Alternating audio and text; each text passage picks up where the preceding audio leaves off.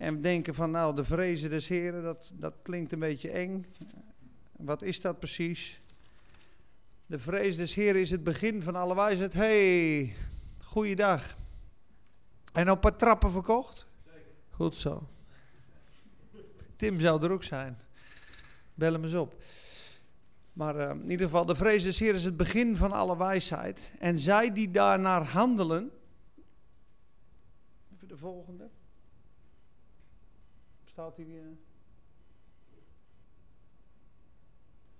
Ja, zij die daarnaar handelen, hebben een goed inzicht. Wat is de vrezen des Heren precies?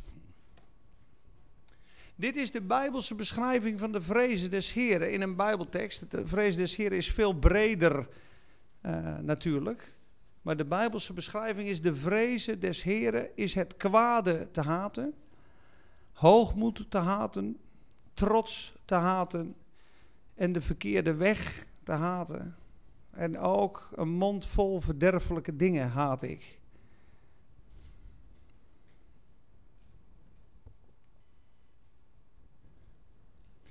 Nu ga ik een, uh, een beschrijving geven die Jezus zelf geeft. Dit is een tekst uit het oude verbond, die lees ik nu.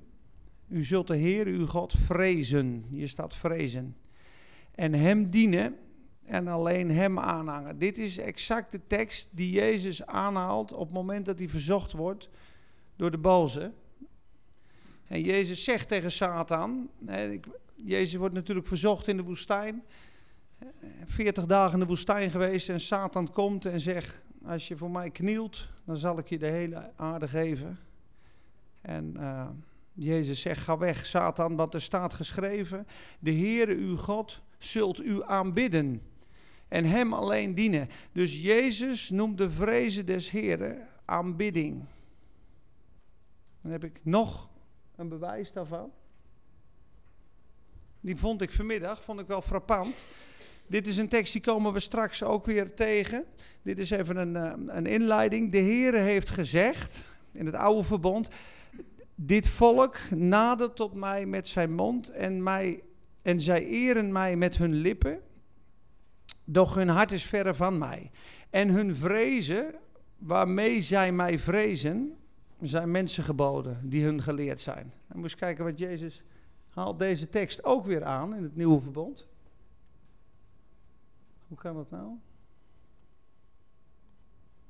Ja, kijk, Jezus haalt deze tekst aan in Matthäus 15. Zegt hij: Dit volk nadert tot mij met hun mond en eert mij met de lippen, maar hun hart houdt zich verre van mij.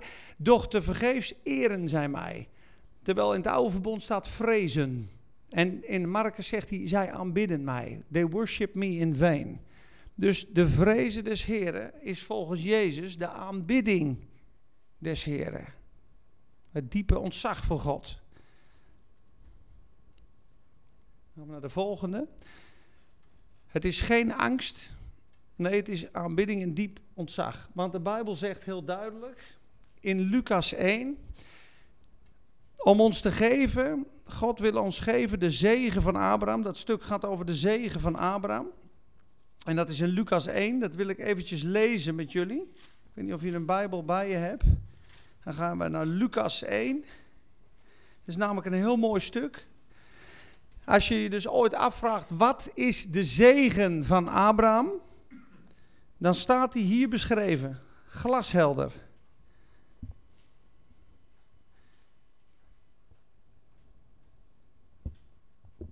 En ik begin trouwens helemaal in vers 67. Het heet de lofzang van Zacharias. Zacharias is er niet, uit Eemdijk.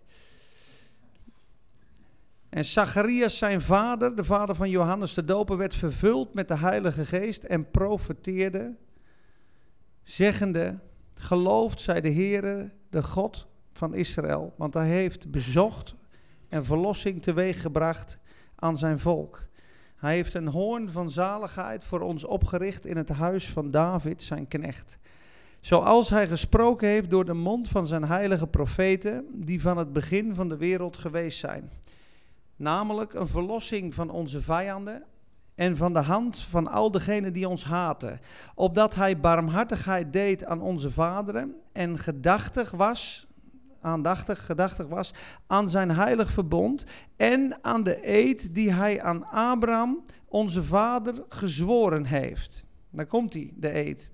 Om ons te geven, te geven, dus niet, het is niet verkregen, om ons te geven dat wij, verlost zijnde uit de hand van onze vijanden, hem dienen zouden zonder angst. In heiligheid en gerechtigheid voor hem al de dagen van ons leven. Dus die heiligheid en gerechtigheid is een gave. Het is niet een gebod hier. Dien God in heiligheid en gerechtigheid al de dagen van je leven. Dat moeten we natuurlijk zeker doen. Maar hier staat, de eed van Abraham is om ons te geven dat wij verlost uit de handen van onze vijanden hem zonder angst zouden dienen. Op het moment dat wij onheilig zijn en onrechtvaardig, zou er angst tussen ons en God ontstaan. Dan zouden we zeggen, hey, we, zijn niet volmaakt, we maken zoveel fouten, we kunnen nooit met God wandelen. Maar het wonder van de zegen van Abraham is dat ons gerechtvaardigheid aangerekend wordt door het vertrouwen in God. Dus het moment dat wij vertrouwen op God, zegt God, Net als tegen Abraham. En Abraham geloofde God. Exodus 15, uh, eh, vers 6. Genesis 15, vers 6, sorry. Uh, en het werd hem tot gerechtigheid gerekend. En niet alleen voor hem, zegt Romeinen 4, maar ook voor een ieder die na Abraham gelooft op dezelfde manier. En op het moment dat wij ons vertrouwen stellen aan Hem die overgeleverd is om onze overtredingen en opgewekt op het moment dat wij gerechtvaardigd werden, staat er in het Grieks. Het moment dat wij gerechtvaardigd werden, de dood was verzoend en God zei alles is verzoend, ja. Ik wek Jezus op uit de doden, want de straf is volledig betaald. Op dat moment tot Jezus opgewekt werd, is het bewijs dat de zonden volledig verzoend waren. Dus toen werden wij gerechtvaardigd. Dus alle zonden werden op dat moment uitgeschakeld. Dus nu is de zegen van Abraham: ik geef dat je met God kan wandelen zonder angst in heiligheid en rechtvaardigheid. Hoe lang? Al de dagen van je leven. Halleluja. Dat is de zegen van Abraham. En check maar na in Galaten 3. Dan zegt hij in vers 14. Eh, omdat wij gerechtvaardigd zouden worden door het geloof. Opdat de zegen van Abraham zou komen over de heidenen. En de belofte van de Heilige Geest door geloof in Jezus Christus. Indien gij van Abraham zijt, zo zijt gij. Uh, indien gij van Christus zijt, zijt gij Abrahams zaad en naar de belofte erfgenamen. In Abraham worden alle volken gezegend. Dus dat is de zegen. De rijke zegen. Lees Romeinen 4 en ontvang dit. Dus Gods belofte is zonder vrees. Moet je eens goed kijken. Er staat om ons te geven zonder vrees hem te vereren. Hem te dienen. Daar komt hetzelfde woord. Kijk, de volgende sheet. En dan moet ik eventjes batterijtjes wisselen. Want daarom deed hij niet. In dat doosje daar zitten twee batterijen komen ze toch goed van pas. Dankjewel. En ik maar boos zijn op Mark.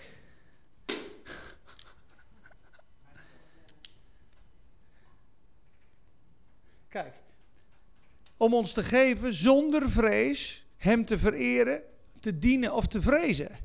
Dus de vrees en het vrezen voor God zijn twee verschillende dingen. Ik zal je nog één voorbeeld geven. Nu is het echt weer Mark. Mozes zegt tot de gemeente, moest kijken zo duidelijk dit. Vreest niet, want met het doel u te beproeven is God gekomen. En met het doel dat er vrezen voor hem zal wezen op uw aanschijn, zodat gij niet zondigt. Dus dat is bij Sinaï. God komt op de berg. Mozes zegt, wees niet bang.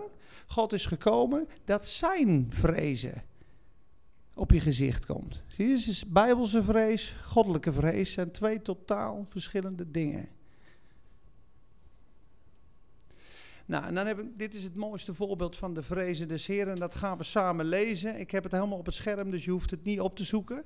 Dit is dus uh, we hebben nu de Bijbelse beschrijving gehad. Hè? Dus de leraar zegt, de vrezen des Heer is, is spreuken 8 vers 13. Kijk maar, dat staat er. Nou, dan zal iemand anders zeggen, nou ja, ik kijk altijd naar Jezus. En volgens Jezus is het aanbidding. Nou, dan kun je een hele discussie krijgen. Dan kun je ook zeggen, ja, je hebt allebei gelijk. En de ander zegt, nou ik lees, dit, is, dit is de predikant, die leest het verhaal van Abraham. Wat is nou de vrezen des Heren? Abraham, een vriend van God, wordt op de proef gesteld. Hij heeft heel vaak God niet gehoorzaamd. Als je Romeinen 4 leest en Handelingen 7, dit is aan het eind van het leven van Abraham. Toen was zijn geloof volmaakt geworden. En hij had heel veel fouten gemaakt. Hij ging eerst, moest hij uit zijn familie, uit zijn maagschap, nam die Lot mee. Lot betekent bedekking. God zei geen familie mee, maar hij vond dat moeilijk, dus hij wilde neef Lot bij hem hebben. Daar kon hij nog een beetje op steunen. Van het moment, Genesis 13, vers 14, dat hij Lot loslaat, de bedekking weg is, op dat moment staat er. En toen zag Abraham de visie. Zover het land was, links, rechts, zo, zal ik het u geven. Dus hij vertrouwde toen volledig op God. Je weet dat hij loog over zijn zus. Je weet dat hij uit Haran en Padan uh, is vertrokken. Hij heeft best wel wat foutjes gemaakt. Maar gaandeweg, hij heeft natuurlijk uh, gedacht van hoe kan dat nou met Sarah? Hij heeft Hagar. Uh, heeft hij gehad. Hè? Dus God zei op een gegeven moment, je krijgt een groot volk. En Sarah zei, dat kan niet, mijn baarmoeder is verstorven. We hebben niet eens seks meer. Dat staat er. We gaan niet meer met elkaar om zoals een man en een vrouw omgaan. Zal een, uh, zullen we nog een, kunstje doen, zegt ze lachend. Nou, Isaac, die geboren werd, onze zoon, die heet, dat betekent hij lacht. En het is op bovennatuurlijke wijze, in het geloof is die verwekt. Het is geen natuurlijk verwekken geweest. Het is een, door geloof is Abraham heeft niet op zijn lichaam gelet, al reden verstorven. Romeinen 4, 18. Eh, maar hij heeft door het geloof niet getwijfeld door ongeloof, maar is gesterkt geworden in het geloof. En zo heeft hij de belofte verkregen.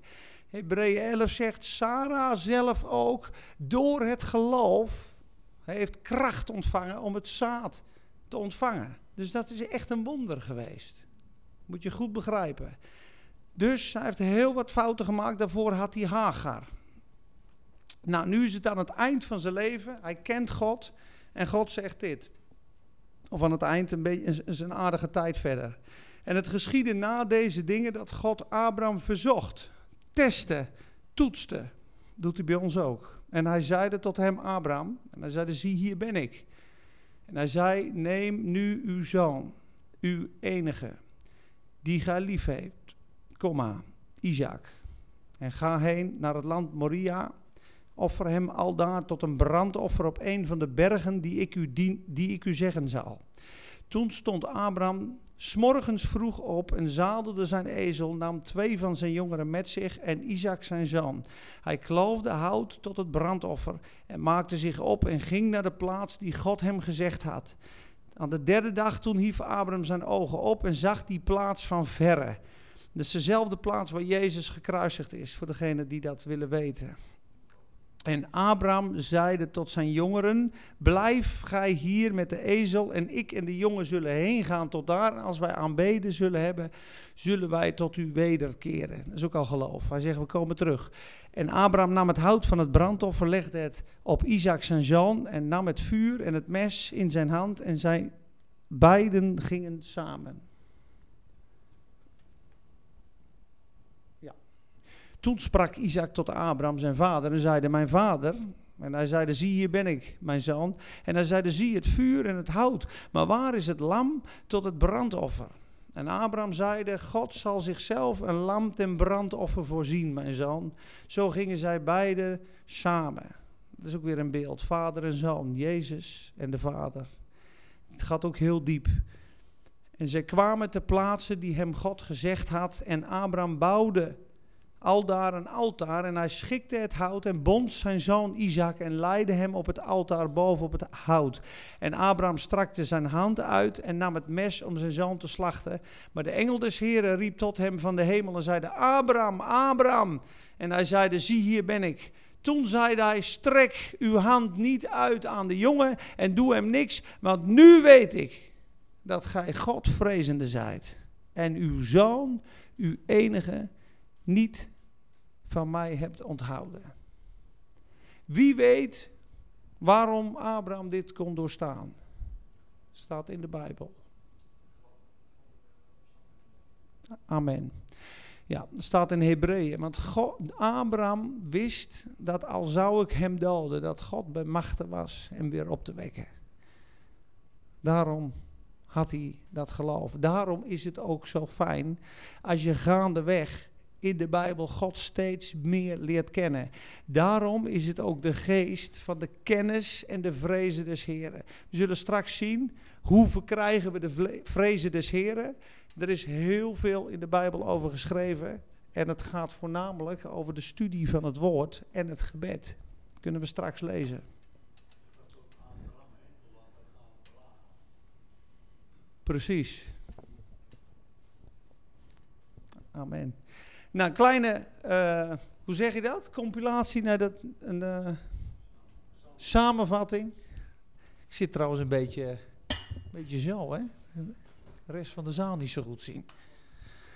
De vrezen des Heeren is dus het kwade te haten, God boven alles stellen, Hem de eer geven die Hem toekomt, God de absolute nummer één in je leven, weten hoe nietig en klein wij zijn en weten hoe groot en oneindig machtig en heerlijk God is.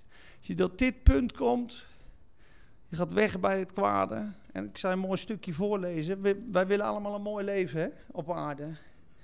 Wij willen allemaal goede dagen zien. Ook de Bijbel geeft hier perfecte antwoorden op. Ik lees het even voor voor je. Ik heb het niet uh, op, de, op de sheets. Het is 1 Petrus 3. En daar staat in vers 10. Want wie het leven wil liefhebben en goede dagen wil zien. Nou, dat willen we allemaal. Wie wil het leven liefhebben en goede dagen zien? Dan geeft hij hier de vrezen des Heren. Beetje verkapt, maar het is de vrezen des Heren. Die moet zijn tong weerhouden van het kwaad en zijn lippen van het spreken van bedrog. Die moet zich afkeren van het kwaad en het goede doen. Die moet vrede zoeken en die najagen. Want de ogen van de Heere rusten op de rechtvaardigen en zijn oren zijn gericht op hun gebed. Maar het aangezicht van de Heer is tegen hen die kwaad doen. 1 Petrus 3 vers 10. Dus als je het kwade haat en weggaat bij het kwade, dan komt dat goede leven. Als je de vrede najaagt.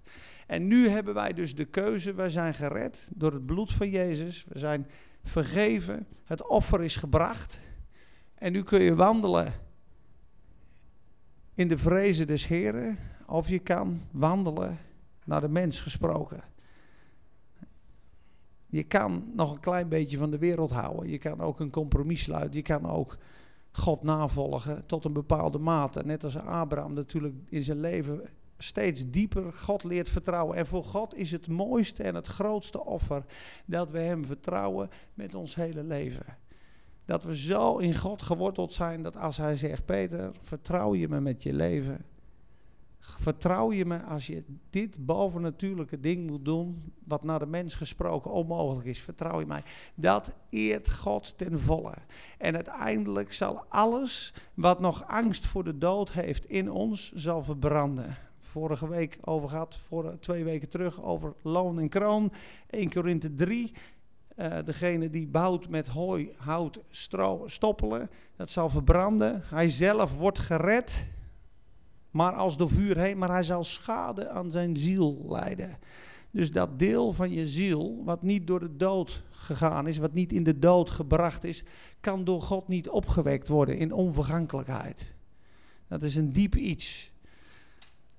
Nu gaan we het diepste aspect, wat allemaal terugkomt in de hele Bijbel met de vrezen des Heren, is dit. Het staat er continu bij. Door goede tierenheid en trouw, de bovenste, wordt de misdaad verzoend. En door de vrezen des Heren wijkt men af van het kwade. Zonder de vrezen des Heren heb je dus niet de kracht om je af te keren van het kwade. Wij hebben allemaal van nature het kwade lief. Want we hebben een gevallen natuur. De zondige natuur vindt het kwaad prettiger dan het goede. Vindt het duister fijner dan het licht. Vindt het compromis en de weg van het vlees fijner. Om in de geest te wandelen is een offer nodig. Een kruis. Komt tot Jezus, niet mijn wil, maar uw wil geschieden. Dat is al de eerste stap voor de vrezen Dus de tweede, hebben we net gehad hè. Exodus 20, 20. Dat er vrezen voor hem zal wezen op uw aanschijn. Zie komt hij weer. Zodat ge niet zondigt. Spreuken 8. De vrezen des Heren is het kwade te haten. En de volgende, Job 28. Maar tot de mens heeft hij gezegd: Zie, de vrezen des Heren is de wijsheid. En van het kwade te wijken is het verstand. Dus er komt geen geestelijke openbaring in ons leven zodra we het kwade de rug niet volledig toekeren. Zodra de liefde voor de wereld in ons hart blijft, blijven de sluiers, lot en de bedekking. Daarom staat er ook heel duidelijk 2 Korinthe 4 vers 4, de God van deze wereld heeft de gedachten verblind, zodat ze het schijnsel van het heerlijke evangelie niet kunnen zien. Op het moment dat je weggaat bij de wereld, ga je het schijnsel van het evangelie zien. En Johannes 2, heb de wereld niet lief, nog de dingen die in de wereld zijn. Want al wat in de wereld is, de begeerlijkheid van het vlees, de begeerlijkheid van de, ogen en de grootheid van het leven, zijn niet uit de Vader, maar uit de wereld. Op het moment dat je in de wereld zit, kan je niet de dingen van God onderscheiden en zien. Daarom is de vreze des Heren het begin van alle kennis, het begin van wijsheid, het begin van openbaring. En ik heb ook op heel veel plekken nog geen openbaring en dan klaag ik bij God. Ik zie het niet, ik snap het niet. Maar als je dit leest, dan weet je wel wat de oorzaak is. Dan zit je nog heel veel in het aardse. Ook Peter Duist. En laten we bidden voor elkaar. Dat we steeds meer verlost mogen worden van aardsdenken denken. We hebben nummer 13 en 14 behandeld met de gebedssamenkomst. Als je ziet hoe de tien verspieders terugkomen en hoe Caleb en Jos, Joshua reageren. Joshua is Engels. Joshua reageren. Het is een kwaad gerucht onder het volk. God was zeer toornig op de tien en ze stierven voor het aangezicht des Heeren omdat ze een kwaad gerucht brachten. Maar weet je, ze deden, ze waren logisch aan het denken. Ja, het is een mooi land, mooie druiven, zoeken druiven. Maar ja, daar zijn eenakskinderen, daar zijn legers, daar zijn legers, daar zijn legers. Ja, daar kom je niet zo in hoor, in dat land. En Caleb en Joshua zeiden, ja, maar we zijn wel zeker uh, bij macht om dat land in te nemen, want God is met ons. Waar hebben we het over? En toen begonnen ze te huilen, en de hele nacht lang. En Caleb die zei, hou nou eens op. We slaan dit op? Toen grepen ze stenen en wilden hem stenigen. En toen begon God echt op te treden. Het ziet het ook bij Petrus. Dit zal u geen zins niet gebeuren, heren. Gaat achter mij, Satanas. Je bent een struikelblok voor mij, want je bedenkt de dingen die van de mensen zijn en niet die uit de hemel zijn. Bent een aanstalt voor mij. Dus dat, is, dat weegt heel zwaar. Het is een big issue bij God. Natuurlijk denken of geestelijk denken. Hij kan daar niks mee, want iemand die natuurlijk denkt, opereert in het vlees, opereert in het natuurlijke, is eigenlijk een sluis voor de duisternis. Ja, maar ik denk niet dat dat kan hoor. Snap je? Nee, maar dan breng je ongeloof. Caleb zei, natuurlijk kunnen we dat. Natuurlijk kan het met God. Voor wie gelooft is alles mogelijk. Dat eert God. God zegt, ze hebben me vertoond in deze woestijn. Al tien keer hebben ze me vertoond. Ze geloven mij niet van al mijn wonderen en tekenen. Voor elke dag dat je in dat land geweest bent, zul je een jaar in de woestijn wandelen. Dat is een zware straf.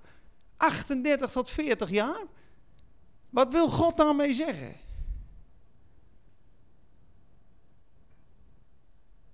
Dat gaat diep, jongens hoor. Dat gaat echt diep. We moeten helemaal loskomen van het aardse denken. We moeten een hemels perspectief krijgen. We moeten ons bekeren van onze oude mens die opereert. En de sterkste, weet je dat het sterkste vijand is van het, van, van, van het geestelijke leven? Niet de zonde, nog niet eens. De, religie is een sterke. Maar weet je wat allersterkste is? We het ook nog over met Frans. Onze mening. Ik vind. Onze opinie. Ik vind. Ja, maar ik vind uh, dit. Dat is de blokkade. Ik vind moet aan het kruis. God vindt. Mijn eigen zoon offeren. Ben je niet goed? Had Abraham kunnen zeggen. We gaan naar de volgende. Beloften voor de Godvrezende gelovigen. Slechts een kleine greep. Ik kan echt letterlijk 65 sheets vol met beloften uit de Bijbel halen over de vrezen des Heren. De onschatbare goddelijke wijsheid. Job 28 gaan we zo lezen. Die hebben jullie thuis al gelezen. Dat hoofdstuk, als je dat op je hart geschreven hebt, wat daar staat. Laten we heel eerlijk zijn. Als ik hier een kist met fijn goud neerzet. En met koralen. En met topaas. En met eh, kristallen. En met diamanten. En er staat hier gewoon voor 80 miljard. En ik zeg, jongens, de eerste, de beste mag het nu pakken. Dan zou je gewoon over alle rijen heen duiken. Waarschijnlijk hij een paar vingers in de anderman zijn oog gedrukt. En zei je van, ja, dat deed ik niet expres. Maar ik, ik moet wel zo'n kist hebben. Omdat je de waarde ervan zou herkennen. Maar de wijsheid lacht het uit. Al wat men begeren kan, is niet met haar te vergelijken. De kennis van God, spreuken 2, krijgen we straks ook. Zeer sterk geloof. Er is grote gerustheid en sterke verzekerdheid in de vrezen des Heren. Het loon van nederigheid en de vrezen des Heren is rijkdom, eer en leven. En er was een gedenkboek in de hemel opgericht voor zij die zijn naam vrezen. De geheimen van God zijn voor degenen die hem vrezen. En zekerlijk er zal een beloning zijn. Spreuken 23. Jezaja 58, Spreuken 8, kiek zelf maar, heb ik erbij gezet. hey, oh dat had je gezegd hè, dat je later was. Ja, Psalm 34, Gods nabijheid, geen gebrek, perfecte heiligheid en volmaking. Nieuw-testamentische. Komen we ook nog een keer op. Ik wil Job 28 lezen. Want wijsheid is beter dan robijnen. En al wat men begeren mag, al wat je kan bedenken, is met haar niet te vergelijken. Job 28, vers 12 tot 28. Maar de wijsheid, van waar zal zij gevonden worden? En waar is de plaats van het verstand? De mens weet haar waarde niet en zij wordt niet gevonden in het land der levenden. De afgrond zegt, zij is in mij niet. De zee zegt, zij is niet bij mij. Het gesloten goud kan voor haar niet gegeven worden. En met zilver kan haar prijs niet worden opgewogen. Zij kan niet geschat worden tegen fijn goud van Ophir. Tegen de kostelijke Soham en de Safir. Weet iemand wat dat is trouwens? De Soham? Ik ook niet. Ik had ook geen tijd om het op te zoeken vanmiddag. Oh, niks. Dank je. Oh, Oh, dat is niks. Ja. maar kan het goud of het kristal niet gelijk, men kan het goud of het kristal haar niet gelijk waarderen. Ook is zij niet te verwisselen voor een kleine oot van dicht goud. De ramot en de gabies zal niet gedacht worden, want de trek der wijsheid is meerder dan die van de robijnen. Men kan de topaas van Ethiopië haar niet gelijk waarderen en bij het fijn, louter goud kan zij niet geschat worden. Die wijsheid dan, van waar komt zij en waar is de plaats van het verstand? Want zij is verholen voor de ogen, verborgen voor de ogen van alle levenden. En voor het gevogelte des hemels is zij verborgen. Ook voor de boze macht. Hè? 1 Korinthe 2, vers 6. Deze wijsheid is een mysterie en is verborgen. De prinsen van de duisternis hebben haar niet gezien en niet begrepen. Als zij deze wijsheid begrepen hadden, hadden ze de Heer der heerlijkheid nooit gekruisigd. Want dat is hun ondergang. Ze zijn gestrikt door Gods wijsheid. Ze dachten, nou hebben we hem aan dat kruis. Nou is hij dood. Maar hij vernielde zijn eigen. Prijs de Heer. Het verderf en de dood zeggen, haar gerucht hebben wij met onze oren gehoord. God verstaat haar weg.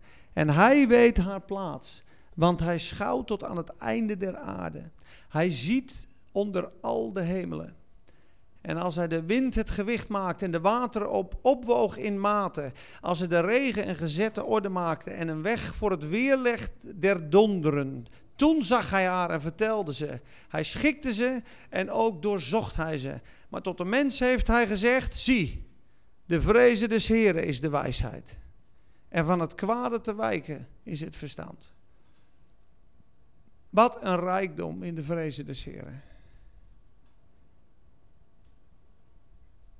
Mooi hè?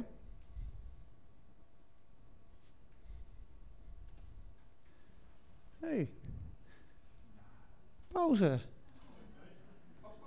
Dat is goed. Moet er nog even doorgaan dan? Oh. Ik denk dat duurt hartstikke lang voordat ik daar ben.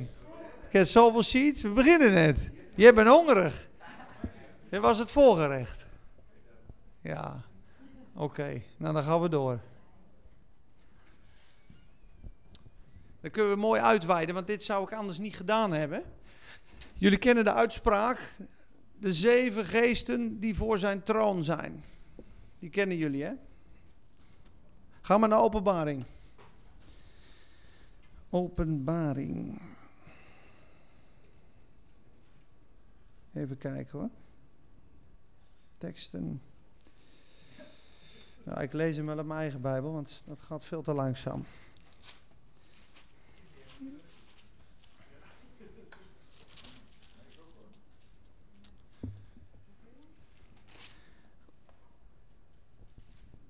Even kijken hoor.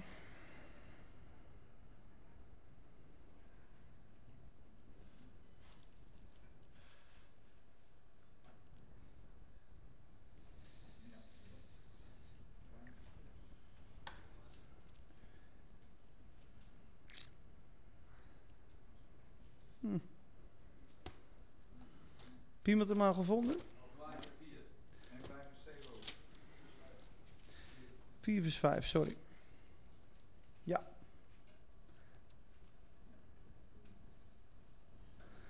Ja, er zijn ook nog ogen. 4 vers 5. En van de troon gingen uit bliksemen en donderslagen en stemmen en zeven vurige lampen waren brandende voor de troon, welke zijn de zeven geesten gods. Als je dan 2 Kronieken 16, die ga ik even opzoeken. Hopelijk staat de verwijzing daarbij, want ik weet hem niet uit mijn hoofd. Daar staat. Ja, want de Heeren aangaande zijn ogen doorlopen de ganse aarde om zich sterk te bewijzen aan degenen welker hart volkomen is tot God. Dus God bewijst zich. De zeven ogen zijn ook de zeven geesten, maar dat staat in openbaring. In ieder geval, de kandelaar heeft zeven armen. Eh, de middelste is de geest des Heren. Je kent wel zo'n zevenvoudige kandelaar. Kan iemand die aangeven? En dan gaan we daarna naar Jezaja 11. Zoek maar vast op Jezaja 11. Dankjewel. Kijk, deze kandelaar is een beeld van de Heer Jezus. En deze middelste, die voedt de rest van de lampen. Dit is de geest des Heren. En de zeven geesten die voor zijn troon zijn, dit zijn de zeven lampen, zijn zeven aspecten van zijn natuur. En in Jezaja 11 zijn ze beschreven. Op hem zal rusten, staat er dan, kijk, de geest des Heren, de geest der wijsheid en verstand, de geest van raad en sterkte, en de geest van de kennis en de vrezen des Heren. Dus zijn zeven geesten. En de vrezen des Heren, staat his delight van Jezus, zal zijn in de vrezen des Heren. Dus de vrezen des Heren is een persoon, is een aspect van God zelf. Het is ook de geest, het is ook de vrezen des Heren. It's the fear of the Lord. Het is niet onze vrezen. Het is het diepe ontzag wat de Heilige Geest, wat Jezus voor God heeft. De hele Bijbel samengevat in één zin. Hè? Openbaring 22, 9. Buigt, op een gegeven moment buigt er toch iemand en dan zegt die engel zegt buigt niet. Want ik ben net als u en ik ben net als de uw medebroeders en allen die dit boek gehoorzamen. En de inhoud van het boek, dat weet u toch? Dat is Aanbid God. Dat is de inhoud van het boek. Aanbid God. Het getuigenis van Jezus, de geest van profetie, openbaring 19 vers 10, wordt altijd gezegd. Hè, de, het getuigenis van Jezus de geest der profetie. Dat zeggen ze allemaal, dat staat er ook. Maar dan moet je eens goed lezen wat er staat. Staat het getuigenis van Jezus, dubbele punt, aanbid God. Is de geest der profetie. Want het getuigenis van Jezus is de geest der profetie. Dus profeteren, Gods woorden spreken, moet een hart hebben. Mooi hè? Achter de lampen. Moet een hart hebben. Aanbid God. Daarom zegt hij ook in Johannes 7: Ik spreek niet mijn woorden, ik zoek niet mijn eer, maar ik zoek de eer wie mij gezonden heeft. Daarom zijn mijn woorden ook waarachtig. Daarom is mijn prediking ook zo krachtig. Dus iemand die zijn eigen eer niet zoekt, maar God aanbidt en de woorden van God spreekt, dat is de ware geest van profetie. Dus de geest van de vrezen des Heren wordt ons geschonken in de omgang. Dus zoals wij God, kan je meer pakken? Zoals wij God niet lief kunnen hebben zonder de Heilige Geest, zo kunnen we ook niet God vrezen zonder de Heilige Geest. En er staat wat voor. Het is de geest van kennis en vrezen des Heren. En ze gaan samen. Het is onmogelijk, zegt men, om God te vrezen zonder God te kennen. Daarom gaan we nu ook naar dat stuk toe. Wat er staat op een gegeven moment. Ik ga even een paar door. Oh, wacht, zullen we die, die, kunnen we ook al doen. Let op. Deze komt straks. Ik heb, hier nog een mooi grapje, kijk. Zie je hem? Vanmiddag een plaatje over de vrezende zeer en bemoediging en courageous. Ik denk, ik zoek een mooie plaat op. Ik denk, daar staat hij hoor, hier vooraan. Frans Curvis. Daarom was ik zo blij dat je er was.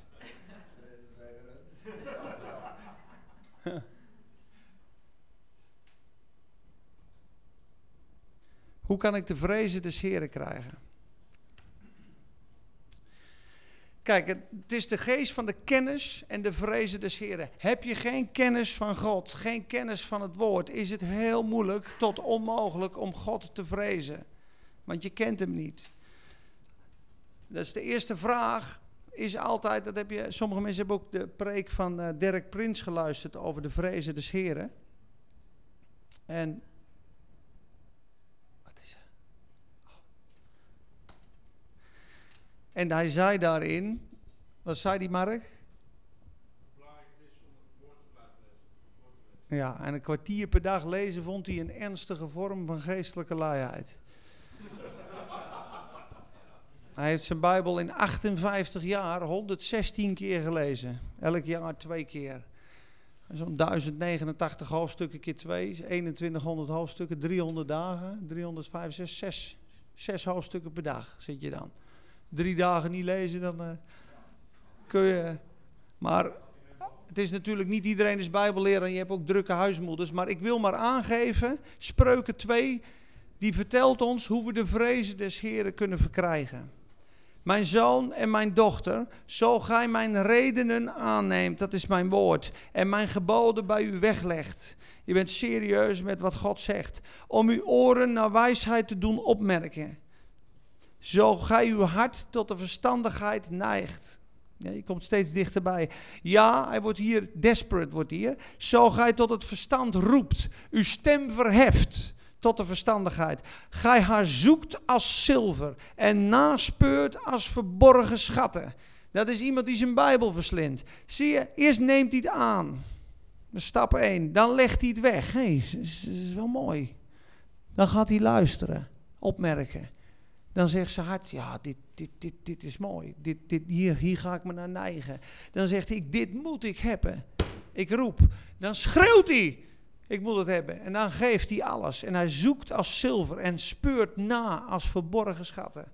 Dan zult gij de vrezen des Heren verstaan en zult de kennis van God vinden. Dat is mooi, is duidelijk.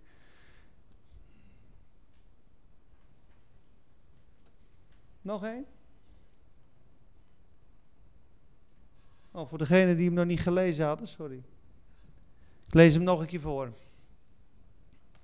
Mijn zoon en mijn dochter, zo gij mijn redenen aanneemt, mijn geboden bij u weglegt, om uw oren naar wijsheid te doen opmerken En zo gij uw hart tot de verstandigheid neigt, ja, zo gij tot het verstand roept.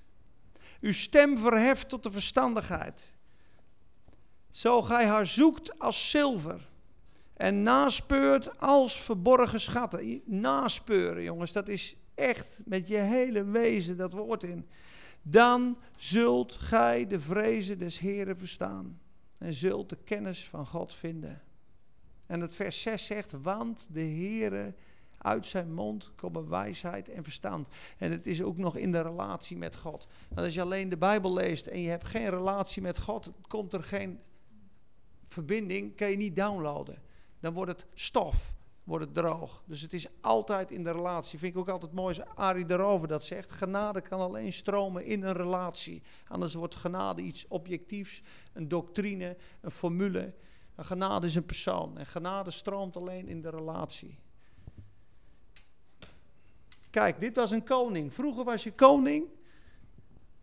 En dan was dit, dit, dit werd er gezegd. Verder moet het zo zijn dat als de koning op de troon van zijn koninkrijk zit, dat hij voor zichzelf op een boekrol een afschrift van deze wet schrijft. Het eerste seizoen hebben we Bijbelboeken en hoofdstukken overgeschreven. Als je dat wil doen, heel erg behulpzaam of heel erg uh, helpvol. Ik, ben helemaal, ik kan gewoon sommige woorden helemaal niet meer vinden. Vanuit de rol die onder het toezicht van de Levitische priesters is.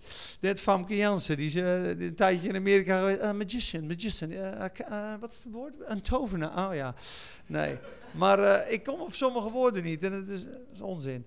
Dat moet bij hem zijn en hij moet er alle dagen van zijn leven in lezen om de Heere zijn God te leren vrezen. Bijbel lezen brengt de vrezen des Heren. Het woord opeten brengt de vrezen des Heren. Om alle woorden van deze wet en deze verordeningen in acht te nemen door ze te houden. Opdat zijn hart zich niet verheft boven zijn broeders. Ik heb wel eens woorden gehad met Ramona en denk, nou, ze is ook uh, zo en zo en zo is het. Toen sloeg ik mijn Bijbel open. Wat ziet gij? De splinter in het oog van uw broeder en de balk in uw eigen ogen niet. Huigelaar. Doe eerst de balk uit je eigen ogen en dan de splinter bij een ander. Dan ben je alweer stil. Nou, is toch fijn dat dat woord er staat. Opdat zijn hart zich niet verheft boven zijn broeders. Opdat hij niet afwijkt van het gebod naar rechts of naar links. En opdat hij zijn dagen verlengt in het koninkrijk. Hij en zijn zonen te midden van Israël. Zie je dat? De Bijbel. Dit is een prachtig gebed. En dan gaan we nu staande bidden. En dan is het echt pauze. En dan ga ik het antwoord op het gebed ook geven zometeen. Dit mag je thuis zoveel mogelijk bidden. En er zijn natuurlijk nog veel meer in de psalmen. Psalm 34 staat ook de Heer, uh, ik zal mijn vrezen leren. God kan je de vrezen leren. De, de vrees is in de omgang, de vrees is in het woord. Maar hier zie je iets heel moois. Allemaal, ja? Leer mij, Heere, uw weg. Ik zal in uw waarheid wandelen. Verenig mijn hart tot de vrezen van uw naam. Nog een keer. Leer mij, Heere, uw weg. Ik zal in uw waarheid wandelen. Verenig mijn hart tot de vrezen uw naams. Nog één keer. Leer mij, Heere, uw weg. Ik zal in uw waarheid wandelen. Verenig mijn hart tot de vrezen uw naams. Verenig mijn hart, dat is de sleutel. Op het moment dat je hart verdeeld is, kan je God niet vrezen. Kijk maar eens wat het antwoord is. Ik zal u, dit antwoord God op het gebed, ik zal u enelei hart en enelei weggeven om mij te vrezen al de dagen u ten goede mits schades uw kinderen na u. En ik zal een eeuwig verbond met u maken dat ik van achter u niet zal afkeren, opdat ik u wel doe. God wil ons zegenen. En ik zal mijn vrezen in uw hart geven, zodat u bij mij niet zult afwijken, van mij niet zult afwijken. Zie je enelei weg, enelei hart. Op het moment dat je innerlijk verdeeld bent, Jacobus 1 vers 8 en een divided man, a double-minded man, is unstable in all his ways. Een dubbelhartig mens is ongestadig op al zijn wegen. Kan ik dit doen, kan ik dat doen, kan ik zus, kan ik zo. Op het moment dat je verdeeld bent, is er geen vrees in je hart. Op het moment dat je zegt, God en niemand anders, is er enerlei weg en enerlei hart. En is de vrezen des Heren daar. En daar moet je voor bidden. Verenig mijn hart tot de vrezen van uw naam. Maak mij een man en een vrouw uit één stuk die niet vreest voor wat dan ook, maar aan u alleen. Pauze. Amen.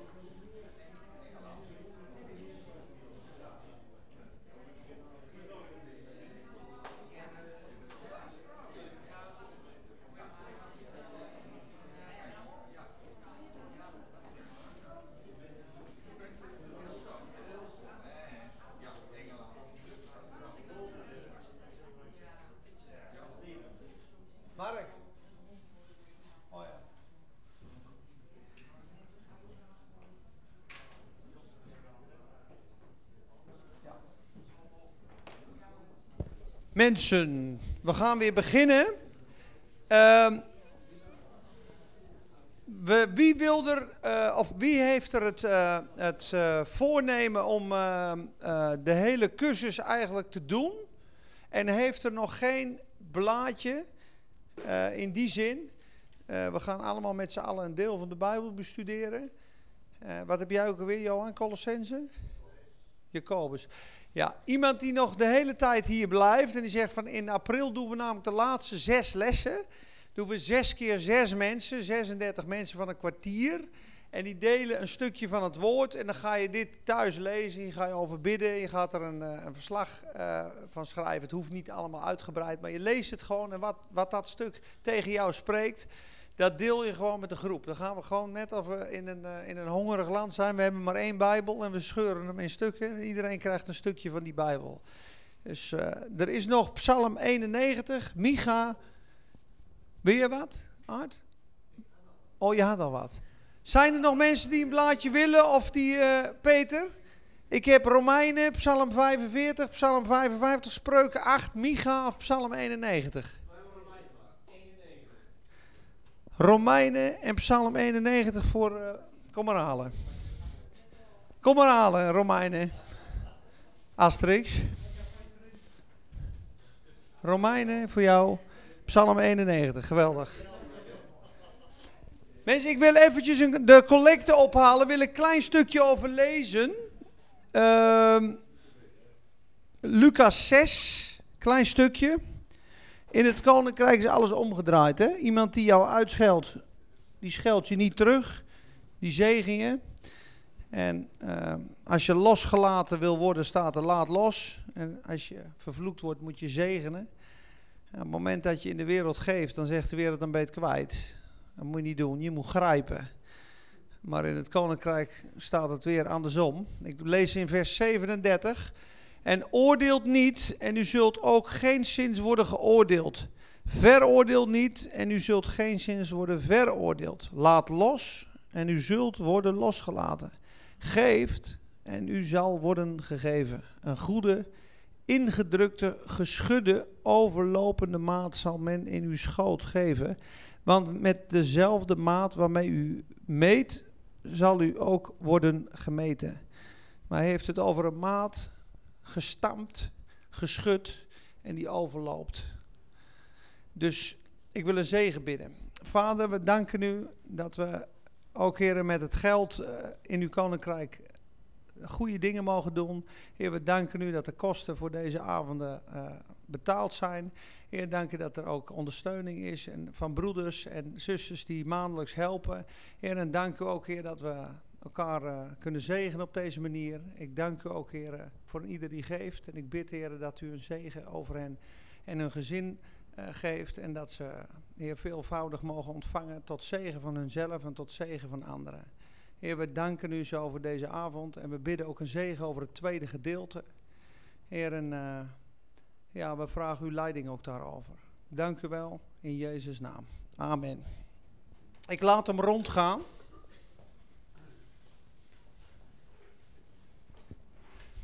En als er mensen zijn die nog het lesgeld misschien niet betaald hebben, dan kun je dat aan Ramona geven. Kan ook overmaken, dan moet je maar kijken op samendoordebijbel.nl. Wil je nou de cursus doen? Acht lessen was 20 euro en de hele cursus was uh, uh, 50 euro. Dan heb je 22 lessen. Maar als je er middenin stapt of je zegt van ik zit een beetje krap, doen we natuurlijk niet moeilijk. Maar zeg je nou van ik wil de hele cursus volgen, kijk dan op samendoordebijbel.nl en dan uh, kun je alle gegevens vinden, bankgegevens. Je kan het ook via een stichting het Grote Visnet overmaken, dan kan je het aftrekken. En ik wil uh, nu verder gaan